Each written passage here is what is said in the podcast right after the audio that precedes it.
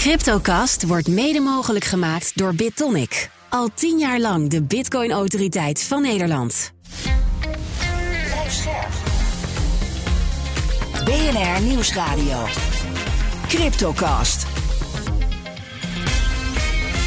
Herbert Blankenstein. Welkom in de Cryptocast met vandaag welke aankondigingen zijn er gedaan op het belangrijke Bitcoin 2023 evenement in Miami. En er is twijfel over de veiligheid van de populairste hardware wallet. Zijn die privésleutels daarvan kwetsbaar? Dit is Cryptocast nummer 273 met een half uur crypto nieuws op de radio. Daarna gaan we door als podcast over de digitale euro. Met de Nederlandse Bank aan tafel. Mijn co-host is Bert Slachter, analist bij de digitale nieuwsbrief Bitcoin Alpha. Welkom Bert. Hey. En uh, mijn andere co-host is Daniel Mol, redacteur bij de Cryptocast en BNR Digitaal. En de Nederlandse Bank komt straks. Zeker. Dag Herbert. Hallo. Ja, hoi. Wij geven geen beleggingsadvies. Vorm je eigen mening, maak je eigen keuzes en geef ons niet de schuld. Crypto kan lucratief zijn, maar is ook riskant. En eerst een nieuwtje nu dat uh, kort voor onze opname binnenkwam. Cryptobeurs Lightbit stopt ermee. Als redenen worden genoemd de moeilijke markt van het moment en het ongelijke internationale speelveld van de regulering. Klanten kunnen nu hun tegoeden opnemen of verhuizen naar een andere beurs. Niemand raakt geld kwijt. En we gaan proberen dit binnenkort in de Cryptocast verder te bespreken, als het lukt. Oké, um, er was de afgelopen week een groot Bitcoin-evenement in Miami, Bitcoin 2023.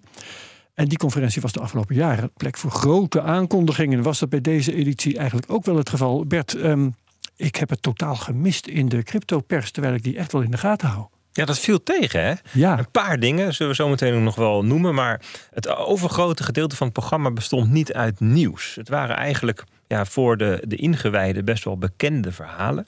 Je zou kunnen zeggen, um, misschien is het wel de allerbeste stoomcursus into Bitcoin die er is. Hè. Een soort van hele snelle introductie. Heel veel, welke vragen, welke ideeën, welke krachten zijn er nu aan de orde? Wat speelt er nu? Heel veel goede sprekers die hun ideeën in een korte tijd dan vertellen. Sommigen hadden maar een kwartiertje of twintig minuten de tijd. Dus ik denk dat het daarvoor heel goed heeft gewerkt. Maar het is niet zo dat het nu een groot nieuws, grote nieuwsmachine is geweest. Nee, uh, je bent er vorig jaar zelf geweest. Dit jaar uh, niet. Uh, voelde je de bui hangen dat er geen nieuws uit zou komen? Nou, dat niet per se. Maar we hadden in oktober Bitcoin uh, Amsterdam natuurlijk, hier oh, in Nederland. Je had al die geld uitgegeven. Ja, het was, het was blut. Het is bearmarkt. nou, en uh, aanstaande oktober is die ook weer. Dus dan komt ook weer... Ja. Um, het, je hoeft er niet meer voor naar mij. Zelfde, ja, nou ja, zoiets. Hè. Dus dezelfde organisatie, namelijk BTC, die achter BTC Magazine ook zit, Bitcoin Magazine. En die, uh, .com moet ik zeggen. En die, die organiseren dat dan ook in, in, in, in Amsterdam voor Europa. Dus ik denk dat voor best wel veel Nederlanders geldt van... joh, weet je, wij gaan daar gewoon weer heen met de hele community. En daar... Ja dezelfde sprekers wellicht ook weer zien. Oh ja, zelfs dat. hey Daniel, uh, jij hebt het online gevolgd. Uh, daar in Miami. Um, was de bear market uh, zichtbaar en voelbaar? Nou ja, we, we, constateren net al, er was weinig nieuws te melden. Ja. En dat is ook wel een beetje het teken van een bear market. Dat het toch allemaal een beetje nieuwsluw is. Het is een beetje saai. Het is een beetje niet zo interessant. Nou ja, ik um, denk dat het beste waar je naar kan kijken is gewoon bezoekersaantallen. Uh, dat waren er dit jaar 15.000 en vorig jaar waren het er 35.000. Oeh. Dus daar is wel echt wat ingeleverd. Ja. En kijk, tuurlijk, de grote namen die je kan verwachten op zo'n Bitcoin-conferentie. De Michael Saylor van MicroStrategy, die heel veel Bitcoin heeft gekocht. Uh, de, de, de, innovators, die, die zijn er allemaal. Alleen ja, het is wel. Het is een stukje kleiner en een beetje uitgekleed misschien. En dat zie je dan ook wel, denk ik, in het nieuws terug. Ja, ja. ja. Um... Het, het, was vorig jaar nogal een Amerikaans feestje. Is ook niet zo gek natuurlijk. Het is in Amerika en uh, crypto is voor een groot deel. Nou, heeft veel Amerikaanse inbreng natuurlijk. Uh, maar hoe zat het dit jaar? Ja, nou, daar hebben we ons de afgelopen jaren eigenlijk misschien wel een beetje aan gestoord. Uh, gestoord. Ja, weet je, het is een beetje overdreven. Het is een beetje schreeuwerig. Bert, jij bent er geweest. Hmm. Ik denk dat jij dat ook wel een beetje op die mainstage hebt gezien. Zeker. Um, ja, en weet je, dat zie je dan ook aan de headliners van dit jaar. Uh, de grootste spreker die dan bovenaan staat was dan ene Robert Kennedy Jr. Dat is het neefje oh. van de Robert of de, de, de Kennedy die we allemaal kennen. Um, ja, weet je, die doet een gooi naar de democratische nominatie ja. dit jaar. En iemand met een, uh, nou ja, bitcoiners vinden hem prachtig, want hij zegt leuke dingen over bitcoin, maar uh, hij uh, heeft wat onwetenschappelijke ideeën over vaccins. Bijvoorbeeld, ja, nee, goed, maar ja. ik vind het over bitcoin, zijn, zijn bitcoin liefde kunnen misschien ook een beetje cynisch zijn, want het, we weten, de regering Biden is best wel kritisch op crypto de, de laatste jaren geweest en nog steeds. En hij is dan als misschien democratische tegenhanger juist pro-bitcoin. En dat is ook pas sinds, sinds deze maand dat hij daar een keer op Twitter iets over heeft gezegd. Dus ik vind het allemaal een beetje Ja, opportunistisch. opportunistisch dat hij hier op het schild wordt gehezen en dat hij dan een grote naam is. Ja, dat vind ik dan. Het voelt een beetje als een politiek Ja, trucje. hij heet wel dat- Kennedy, hè? Hij heet, hij wel heet Kennedy, ja. Gaat heel groot worden, Herbert. Er was ook een kandidaat van de Republikeinse Partij trouwens, die er ook mocht spreken. En die, eh, die was ook heel erg pro. Wie, wie eh, was dat? Ja, Vivek Ramaswamy heet hij. Oké. Als ik het goed Ja, uitspreek. Ja, minder die, bekende eh, naam. Ja, minder bekende naam, maar dus een van de kandidaten van de andere kant. Ja. En dat merkte je wel. Cynthia Limmis was er ook. Er, waren wel veel, er was wel veel ehm, aandacht voor het, de politiek in de VS. Dus wat dat betreft was het wel een Amerikaans feestje. Maar wat mij heel erg opviel, is dat ook de Amerikaanse bedrijven en sprekers heel erg gericht waren op buiten Amerika. En dan met name Hmm. de Global South. En ik heb het even Ja. opgezocht. De Global South is niet zomaar het zuidelijk halfrond, maar dat is eigenlijk Latijns-Amerika, Afrika, Midden-Oosten en Azië. Dat is eigenlijk de, die, die groep landen. Als we gaan kijken, we hebben het wel eens over Ja. de adoptieindex van Chainalysis. In die top 20 van landen met de meeste crypto- crypto-adoptie, daar staan eigenlijk nauwelijks westerse landen. Nee, Vietnam, Nigeria. Noem ze maar op. Ja. En ehm, nou, het was bijvoorbeeld een, een, de gouverneur van, eh, van West-Java, geloof ik, een Ja. groot gedeelte van Indonesië. 50 miljoen mensen onder zijn eh, bewind. Eh, ja, dat is een wereld die wij natuurlijk helemaal niet kennen. Die man heeft 20 miljoen Insta-volgers. Eh, maar die, die kwam daar vertellen over dat hij heel graag wilde dat mensen naar zijn land toe kwamen. Dat zij dit, dat ze willen gaan innoveren. Met willen- mensen bedoelt hij cryptobedrijven. ja, cryptobedrijven, Ja. crypto-investeerders, crypto-bouwers. Ehm, ze willen gaan minen daar. Eh, ze willen de energietransitie gaan maken. En ze zien dat daar mining bij kan gaan helpen en zo. Ja, dat je dat, dus dat zag je veel ehm, terugkomen. Interessant. Ehm, dan is het ook interessant om het over Strike te hebben. Hè? De, de eh, app die vorige jaren steeds de show stal. Hè? Met die eh, grappige Jack Mellers. Die eh, hele emotionele. Vooral toen El Salvador zijn technologie ging omarmen. Ehm, Uiteindelijk is dat niet gebeurd trouwens, maar prima. Oké, goed. Nou, ehm, maar Jack Mellers, eh, sorry, eh, Strike heeft nu zijn palet aan landen waar de app werkt behoorlijk uitgebreid. Ja, dus dat, hij, hij is zo iemand waar Daniel net van zei: van nou op het podium, op zijn Amerikaans met vuurwerk. En hij zei nu van: we gaan global. Strike is global. 3 miljard mensen kunnen nu de app downloaden. En wat, wat eh, 65 landen. En eh, dat is dan dus eh, zonder Europa. Die zit daar Ik niet bij. zeggen, want, Ja. eh, terwijl willen wij Strike heel graag gebruiken? Nou, niet. niet per se. Hè, want waar hij zich vooral op richt is het probleem oplossen van mensen die ehm, eh, unbanked zijn. Hè. We hadden het even net over Indonesië. Die, die, die, die Ja. meneer die vertelde 40% van de mensen daar is unbanked. Of Ja. unbankable. Snelle betalingen van de ene valuta in de andere. Ja, hè? dus, dus, dus ge- gewoon het op straat, op de markt, overal naar elkaar peer-to-peer kunnen betalen. Dus om de mensen die geen toegang hebben tot een bankrekening. En de, de, de, de use case van het in, de, in het buitenland werken en je gezin thuis willen betalen. Dus de remittances Ja, noemen we dat ja, dan. ja. En die, die, dit vraagstuk, dat speelt dus in de Global South weer. En daar had hij het ook weer ook over, die Jack Mellers. En hij zei, ja, dat stuk van de wereld hebben wij nu gepakt. En die gaan wij nu voorzien van een wallet met daarin bitcoin en de dollar op gelijkwaardig niveau. Je kunt zelf kiezen waarin je spaart, waarmee je betaalt, waarin je ontvangt, waarin je verstuurt. Met een geweldige gebruiksvriendelijkheid waar banken niet aan kunnen tippen. Dus eh, ja, hij heeft... Hij heeft ehm, zijn, ik denk zijn, zijn visie of zijn belofte wel waargemaakt van wij gaan global. Alleen voor ons Europeanen zijn wij daar nu even geen onderdeel van. En waarom is dat? Heeft dat met regulering te maken of zo? Dat Ja. zou kunnen. Nu gaan we iets speculeren, maar het zou mij niet verbazen als hij zegt: joh, ik wacht even op Mika. En dan ga ik dan in Ja. één keer Europa in. En we hebben natuurlijk al ja. volgens mij twee jaar geleden of zo, of anderhalf jaar geleden al gehad dat de wachtlijst voor Europa open ging. Daar Ja. heb jij toen, eh, daar sta jij Ik volgens zou- mij heel hoog sta jij daar. Eh, maar die wachtlijst, eh, we wachten nog steeds. Dus eh, en dan is het op zich aan te nemen dat dat misschien met Mika te maken Nou, het heeft. is wel een aanname. Het kan ook zijn dat hij heeft gezegd: Jeetje, ik, ehm, ik heb mijn focus verlegd. Want hij zegt: Ja. Weet je, Bitcoin, dat staat. Daar is misschien voor- ook de meeste groei te boeken in die derde wereld. Z- Zeker, maar ook, het, maar ook het tot zijn recht komen. Hè? Want waar komt Bitcoin nou tot zijn recht? Hij zegt het is hoop en vrijheid voor een hele grote groep mensen die nu geen alternatief hebben. Voor wie het nu veel beter is dan het alternatief. Nou, we, Ja. eh, we gaan straks eh, praten met eh, de Nederlandse banken, de digitale euro. Ja, wij hebben het in Nederland eigenlijk heel erg goed qua betaalinfrastructuur. Dus wat heeft Strike hier nou eigenlijk op te Ja, dat lossen? is hun selling point niet. Nou, het Dat is, zegt, het is een selling point, maar wel iets wat wij al hebben. Het is meer een selling point Ja, in. hoeveel Nederlanders landen. werken er in het buitenland om een gezin te onderhouden? Ja. Weet je, hoeveel Nederlanders zijn unbanked en kunnen niet betalen? Weet je, Wij, dat is- wij vinden het leuk om te proberen misschien. Precies. En de andere, zoals in Mexico, Brazilië, India, noem maar op, die hebben het misschien wel nodig. Ja. Oké, goed. Nou, ehm, daarmee sluiten we eh, Bitcoin 2023 Miami eh, af. Gaan we het eh, over de prijzen hebben, Bert.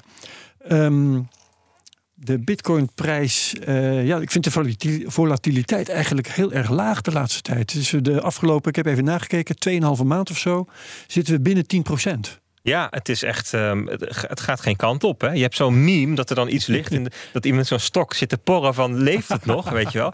Nou, dat, dat ge- gevoel krijg je een beetje. De afgelopen twaalf dagen tussen de 26.500 en de 27.500. Dus een hele kleine bandbreedte. Ja. Ehm, inderdaad, ja. Dus eh, terecht. eh, En hoe komt dat? Daar we Ehm, jou voor. ja, dat, dat- hoe, hoe het komt, weet ik niet natuurlijk. Ehm, maar het is, eh, nou ja, ik denk dat het goed is om dan even uit te zoomen. Hè? Want als we kijken naar, ehm, naar, naar Bitcoin en naar crypto in het algemeen, dan, dan kan je op het allerhoogste niveau zeggen: oké, dat gaat over een technologie die geadopteerd aan het worden is. Over een Ja. periode van 20 jaar, 30 jaar. Dat is de seculaire beweging, zeggen we dan. Maar dat gaat altijd met golven. Hè? eh, eb en vloed, een bepaalde cycliciteit. We hebben het vaak- ja, we hebben het vaak over de vierjaarscyclus, hè, ehm, eh, die ook met de conjunctuurcyclus misschien samenhangt. Maar ook op kortere termijn zie je dat. En we hebben net een best wel stevige periode van stijging achter de rug. Van 15.000 naar 30 31.000 dollar. Hè, een verdubbeling. Ja. daarbij hoort dat je dan ook daarna weer een periode krijgt van wat correctie. Dat is hoe markten werken. En ehm, ja, daar zitten we nu in. We zitten nu in een periode van correctie. En dat kan op twee manieren. Dat kan met prijs en volume, dat het in één keer naar beneden knalt. Dat kan ook door tijd. Dan hebben mensen de tijd om te verkopen, terwijl er wel een koper tegenover staat. En dat is denk ik wat je nu ziet. Een correctie die zich met name uit in tijd. Het, is gewoon Ja. twee maanden dat je zo langzamerhand ja, iets opzij gaat, ietsjes daalt. Hè? Want we zitten nu wel een procent of 15 lager dan die 31.000. En daarmee krijgt de markt eigenlijk, en alle marktparticipanten de kans om te zeggen: oké, wat vind ik ervan dat één bitcoin nu 27.000 dollar kost? Ga ik En- dan kopen of ga ik dan verkopen? Hoe verhoud ik mij daartoe? Dat is wat Ja. zo'n periode Ja. doet. En Op welke termijn denk jij dat het weer in beweging komt? Welke kant op dan ook? Ja, dat hangt er vanaf. We hadden het net even over circulaire beweging, die lange, Mhm. en over de cyclus. En dan is er nog een derde, dat zijn de schokken. En die zijn er ook af en toe. Dan kun je natuurlijk eh, dingen noemen als oorlogen en pandemieën en monetair beleid, wat plotseling verandert. Een bankcrisis, misschien wel een schuldenplafond. Hè, dat speelt natuurlijk in de Verenigde Staten nu. Wat doet dat? Hè? Stel dat inderdaad de Verenigde Staten ehm, niet aan zijn verplichtingen voldoet. Wat doet dat met het financiële systeem? Ehm, dat kan ervoor zorgen dat er een grote beweging in allerlei financiële markten ontstaat. Dat is niet te voorspellen. Ja. Dat, dat praat je over waarschijnlijkheden. Ja. Eh, maar als je puur de cyclus bekijkt, dan zou je zeggen van nou, het kan best nog een maandje ehm, op deze manier doorgaan.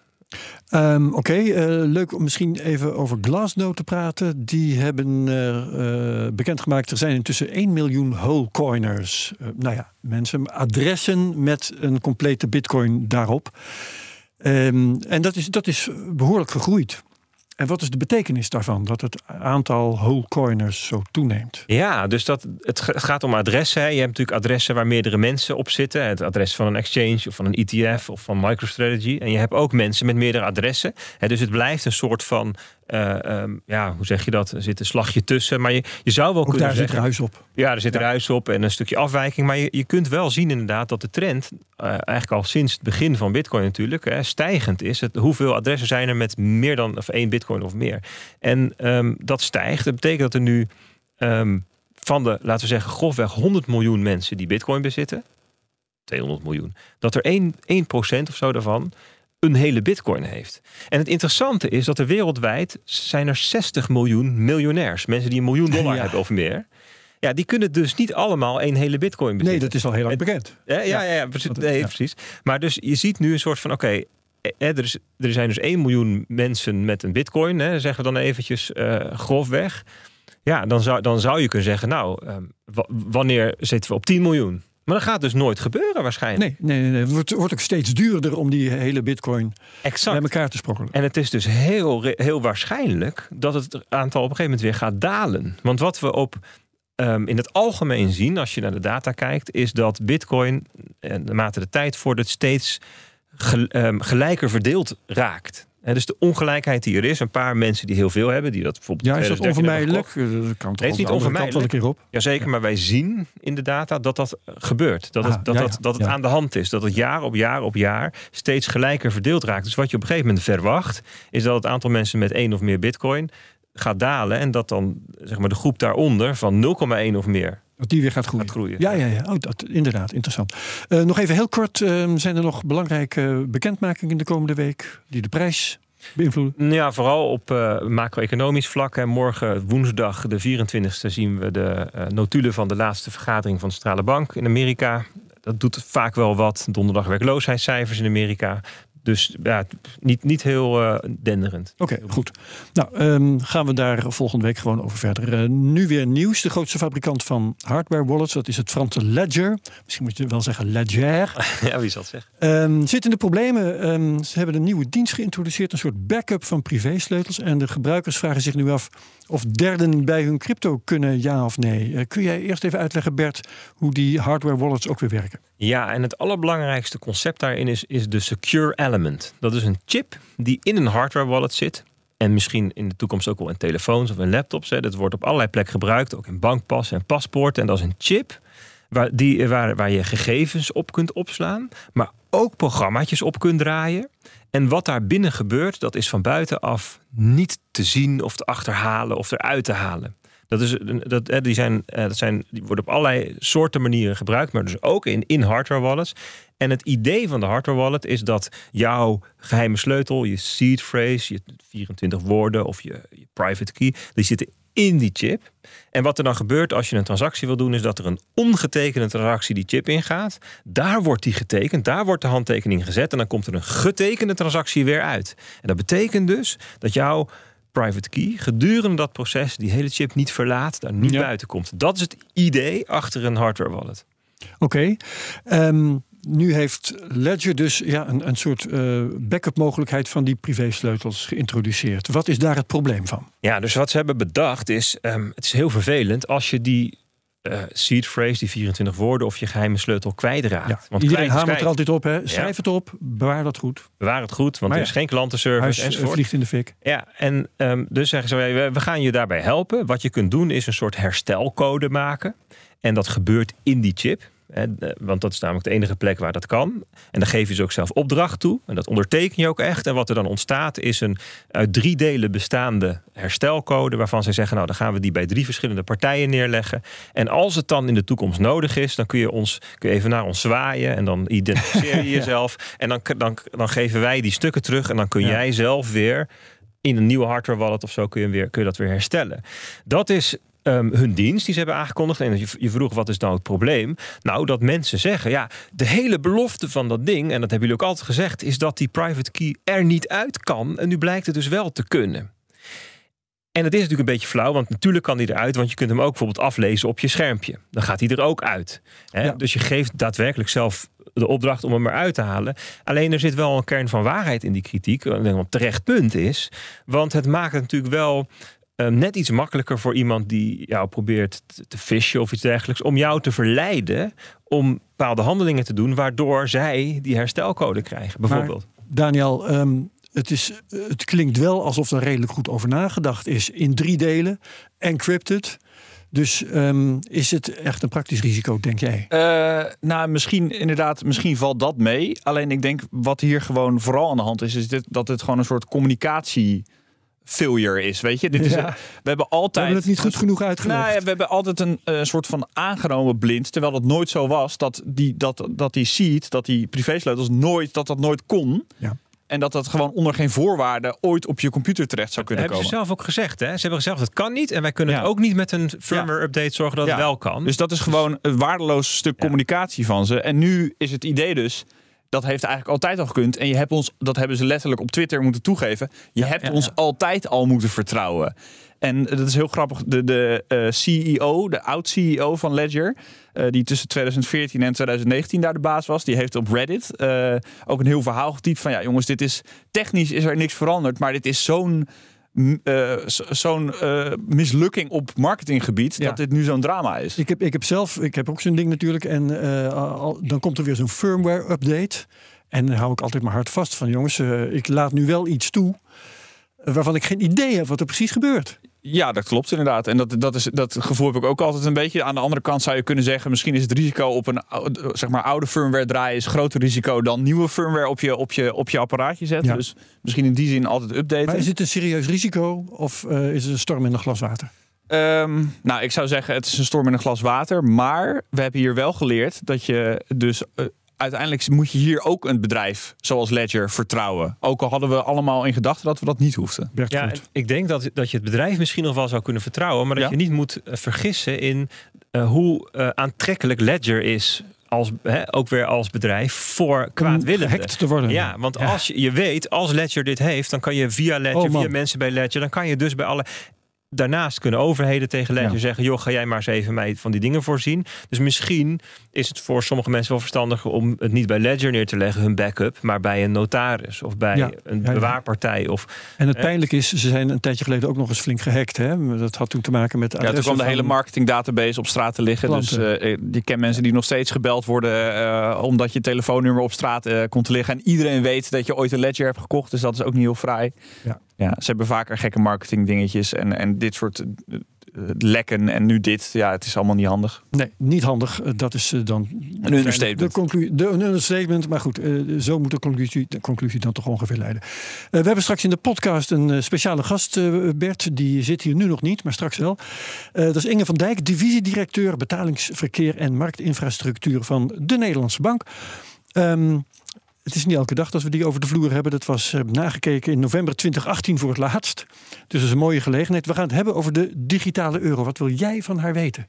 Ja, dat wordt misschien wel de grootste verandering aan ons geldsysteem. ehm, eh, die ten opzichte van de afgelopen decennia. Het Ja. gaat nog wel tien jaar duren, misschien voor die er is. Hè, maar ehm, eh, wat ik, waar ik heel benieuwd naar ben, ja, dus dat, die, dat het een alternatief wordt als betaalmiddel. Dat geloof ik wel. Dat zie ik ook wel gebeuren. Maar ehm, wordt het nou ook een spaarmiddel? Wordt het nou ook een alternatief op ehm, de bank die failliet kan gaan? veiliger dan, precies. Ja, ja, ja. En want dat is natuurlijk, dat zien we natuurlijk de Silicon Valley Bank, we hebben het in Amerika gezien. Dat mensen zeggen van oké, een bank heeft dus toch tegenpartijrisico. Hij kan toch om, omvallen, hij kan toch gered moeten worden. Het is toch misschien een systeem. We hebben het depositogarantiestelsel. Ja, maar goed, boven een ton. Hè, met die inflatie wordt een ton ook steeds minder. Ja, ja, ja. Ehm, eh, wat moet ik daarmee? Heb ik misschien straks een veilige rekening bij de centrale bank? Dat wil ik wel. Dus, gaan, ja, dus ik, ben, ik, ik ben heel benieuwd of het dat ook gaat worden.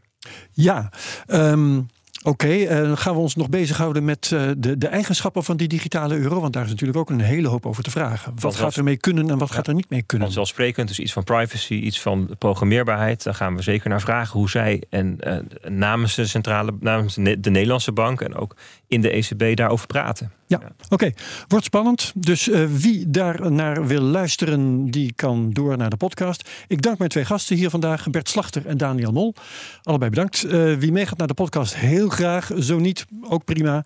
Iedereen zijn ding. En dan heel graag tot de volgende week bij de Cryptocast op de radio bij BNR.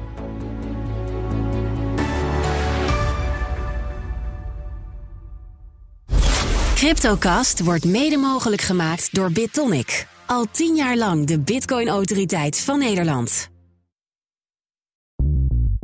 Bij BNR ben je altijd als eerste op de hoogte van het laatste nieuws. Luister dagelijks live via internet. Jelle Maasbach. Wesley Weert. We zijn er voor je met het leukste, opvallendste, maar natuurlijk ook het belangrijkste nieuws. Tijdens de presentatie van die halfjaarcijfers toen die beurskoers in elkaar kukkelde. BNR Beurs. Voor de slimme belegger. Blijf scherp en mis niets.